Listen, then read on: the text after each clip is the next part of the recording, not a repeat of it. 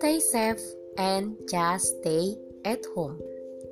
Bagi yang tidak punya kepentingan keluar rumah, tidak boleh ke mana-mana.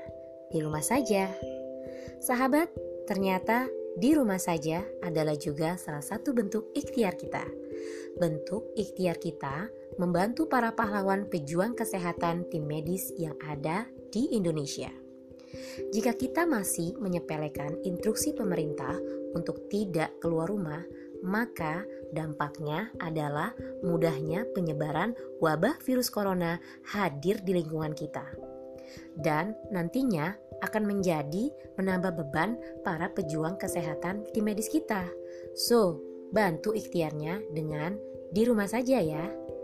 Namun, jika sahabat mau berikhtiar lebih, kita juga bisa membantu menyalurkan sedikit dana bantuan terbaik kita melalui kami Muslimah Syari Indonesia bersama Sekolah Relawan untuk membeli perlengkapan medis untuk rumah sakit yang membutuhkan.